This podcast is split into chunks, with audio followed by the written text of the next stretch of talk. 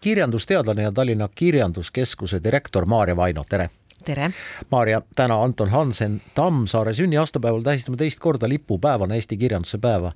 noor traditsioon, aga kuidas teile tundub, kas uudsusest hoolimata hästi vastu võetud, omaks võetud? ja eelmisel aastal minu meelest läks see Eesti kirjanduse päev lausa lennates, et ma ise ei olnud isegi tookord päris nii valmis selleks, et inimesed tõesti nii kuidagi rõõmuga võtsid selle vastu, sotsiaalmeedia oli täis postitusi, et me palusime lisada ka selle hashtagi Eesti kirjanduse päev ja selle alt tuli ikkagi sadu ja sadu postitusi välja, nii et, et see tegi rõõmu. ja siis oli väike mure, et kui see uudis väärtus on nagu kadunud, et on see teine päev, et või teist korda tähistame, et siis see esimese uudsus on kadunud, aga mulle tundub, et ka tänavu juba näen, et sotsiaalmeedia kihab ja, ja inimesed ikkagi, lippe on väljas ikkagi näha, see teeb rõõmu nii et on võtnud vastu hästi eks ta on nüüd natuke ajatu, et mitte öelda klišeelik küsimus, aga Eesti kirjanduse päeval on ikka paslik küsida, et kas lugemisharjumuse ja just ilukirjanduse lugemise harjumus, mis keelt arendab, on meil ajas muutumas, nagu väidetakse, ja halvemuse suunas, nagu väidetakse? ja eks ta on muutunud kindlasti, kui ma nüüd võrdlen iseendaga, kui meie olime, ma arvan, ma võin öelda, meie olime noored, et siis äh, me lugesime palju rohkem, me lugesime selles mõttes keerulisemaid tekste, et need olid võib-olla viletsamalt, ütleme siis loetamad juba sellepärast, et paber oli vilets, täpselt see reavahe oli väike, et ja. nagu tegelikult praegu vaatad neid nõukoguaegseid raamatuid ja mõtled, et, et neid on füüsiliselt ju raske lugeda, aga too kord me isegi ei mõelnud ju selle peale. Eh, no hea küll, see selleks, aga tegelikult ikkagi, mis on praegu kõige suurem mure ja mispärast võib-olla just rääkida sellest eesti kirjandusest ja eesti keeles kirjutatud kirjandusest ja eesti keeles loetavast kirjandusest, ongi just see, et noored ju loevad aina rohkem inglise keeles.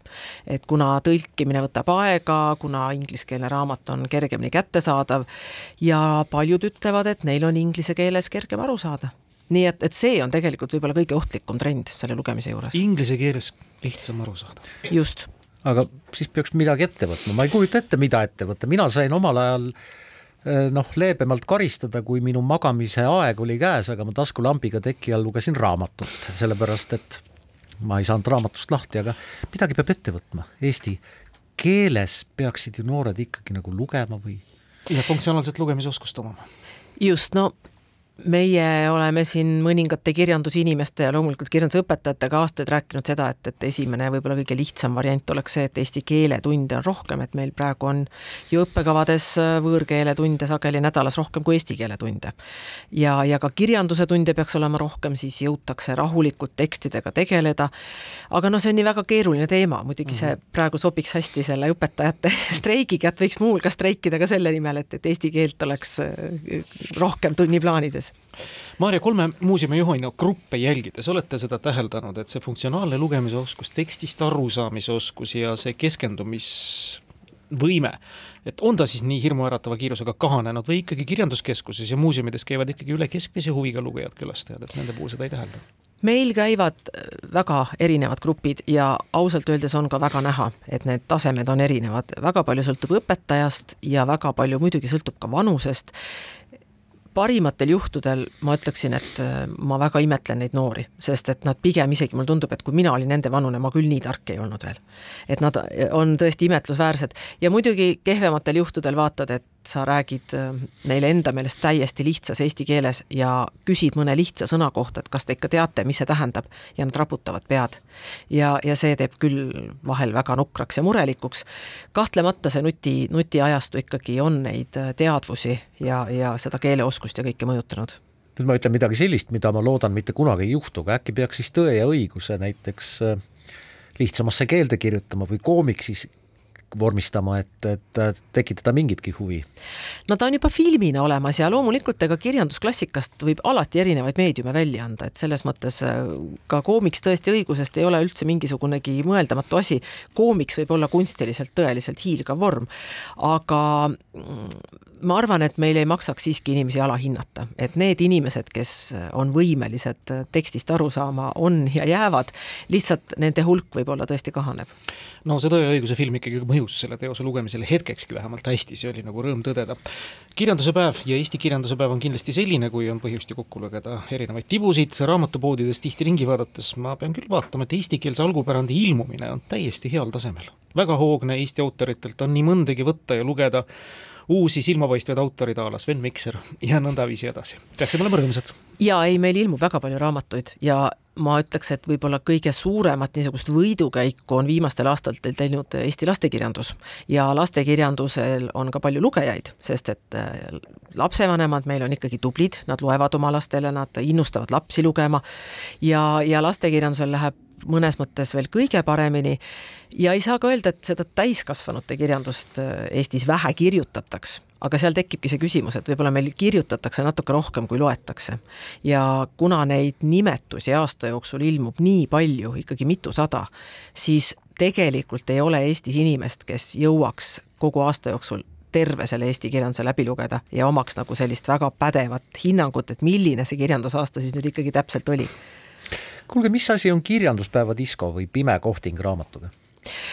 Kirjanduspäeva disko on meil selline üleskutse, et Eesti kirjanduse päeval võiks tulla kokku ja vaadata, kuidas kirjandus on mõjutanud ka teisi kunstivaldkondi ja kui me hakkame Eesti muusikat kuulama, siis me avastame, et väga paljud meile väga tuntud lood on tegelikult algselt olnud luuletused või on sõnade autoriks äh, mõni luuletaja, kellelt on siis need sõnad tellitud. ja Eesti kirjanduse päeva diskode mõte ongi siis selles, et seal kuulatakse siis ainult Eesti luuletekstidele kirjutatud muusikat ja saab selle järgi tantsida. no Mati Undi muuseumis meil täna õhtul on üks selline disko, seal meil toimub vahepeal ka Kahoot, kus saab arvata siis ära, kes on nende sõnade autor, et, et natuke niisugust põnevust ka juurde sinna tantsimise vahepeale. ega see ei tähenda seda, et nüüd õhtul läbi lastakse rujata ainult? ei lasta, meil on, see on uskumatu, kui palju erilaadset mm. muusikat on, nii ballaade, rokki, igasugust tüüpi muusikat. nii, aga Pimekohting raamatuga? pimekohting raamatuga on vist raamatukogude poolt algatatud üks ka väga tore ettevõtmine, et äh, raamat pakitakse jõupaberi sisse või ükskõik millise paberi sisse ja seal ei ole mitte ühtegi viidet, mis raamatuga on tegu. ja sa võtad selle raamatu sealt hunnikust, sa lähed sellega koju ja kodus pakid lahti, saad teada, kelle sa endale kaasa said mm -hmm. ja no loodetavasti siis klapid selle raamatuga ja ikkagi loed ta läbi tänase kirjanduspäeva aasta suund ja soovitus on keskenduda Eesti mütoloogiale ja muinasjuttudele, väga vahva, väga tore. kuidas meie selle žanri tööd, noh, võrrelduna maailmaklassikaga on, kas näiteks Juhan Jaik kannatab võrdlust Terry Pratchetti või Tolkieniga? jaa, kindlasti. ta on ikka, Juhan Jaik oma parimal kujul on hiilgav kirjanik ja just nimelt need tema sellised noh, ütleme kunstmuinasjutud ja sellised müstilised lood on tema loomingu kõige tugevam osa, et, et kindlasti kannatab, et, et ma arvan, ta on lihtsalt avastamata kirjanik, et seda kaarnakivi ikkagi tasuks lugeda raamatuid jah, me juba rääkisime sellest, raamatuid äh, ilmub palju, raamatukauplustes on eestikeelseid raamatuid ikkagi märkimisväärselt, noh hind on ka äh, märkimisväärne, aga äh, mis see raamatu keskmine tiraaž on, kas saab üldse niimoodi öelda, kui me räägime näiteks eestikeelsest kaasaegsest ilukirjandusest? no kirjastused vist ikkagi üsna kiivalt hoiavad selle enda teada. vot sellepärast uurin, äkki te teate saladust? jah, aga ma üldiselt arvan, et niimoodi väga üldistades see natuke ju sõltub ka autorist, et mõne autori puhul tehakse see tiraaž ikkagi julgemalt suurem, teise puhul võib-olla natuke väiksem. aga no luuleraamatutes ta kipub ikka keskmiselt, ma pakun, olema seal saja-kahesaja ringis ja, ja proosateostel no harva, kui ta tuhandet ületab. Kuidas meil raamatuturundusel neil päevil läheb, mulle tundub, et see raamatuturundus, ühtlasi ka lugemise turundus läheb liiga palju seda teed, mida noh, lähevad kõik muud tooted, see võiks olla natuke teistsugusem, natuke peenemalt, mitte nii agressiivselt minev ja seda nii-öelda laia tarbekaubana kõigile pakub. Jah, see on niisugune mitme otsaga küsimus, et äh, kas, kas see inimene, kes astub raamatupoodi sisse sellepärast, et äh, ta kõigepealt näeb seal seda tilulilu, et kas ta siis päriselt selle raamatu ostmiseni jõuab või ta ikkagi muidu ei astuks iialgi sinna sisse, aga tilulilu peale astub ja siis kogemata ostab ka mõne raamatu, et et ma ei, ma ei oska sellele vastata, et ma ise ei ole väga suur selliste raamatupoodide hindaja, kus ma raamatu leian kõige viimasena. et mulle ikkagi meeldivad need klassikalised raamatupoed, välismaalegi minnes mitu korrust lihtsalt raamatuid täis, kuhu võib ära kaduda, aga ma võib-olla ei ole keskmine ostja. jaa, ei, ma pigem mõtlesin seda, et kummaline küll, aga ma sattusin ühe väga hea raamatu peale, see oli Rein Raua Katkurong, sattusin tänu sellele, et Facebook viskas, viskas mulle ette, ette kogu aeg ja ma lihtsalt läksin ja võtsin.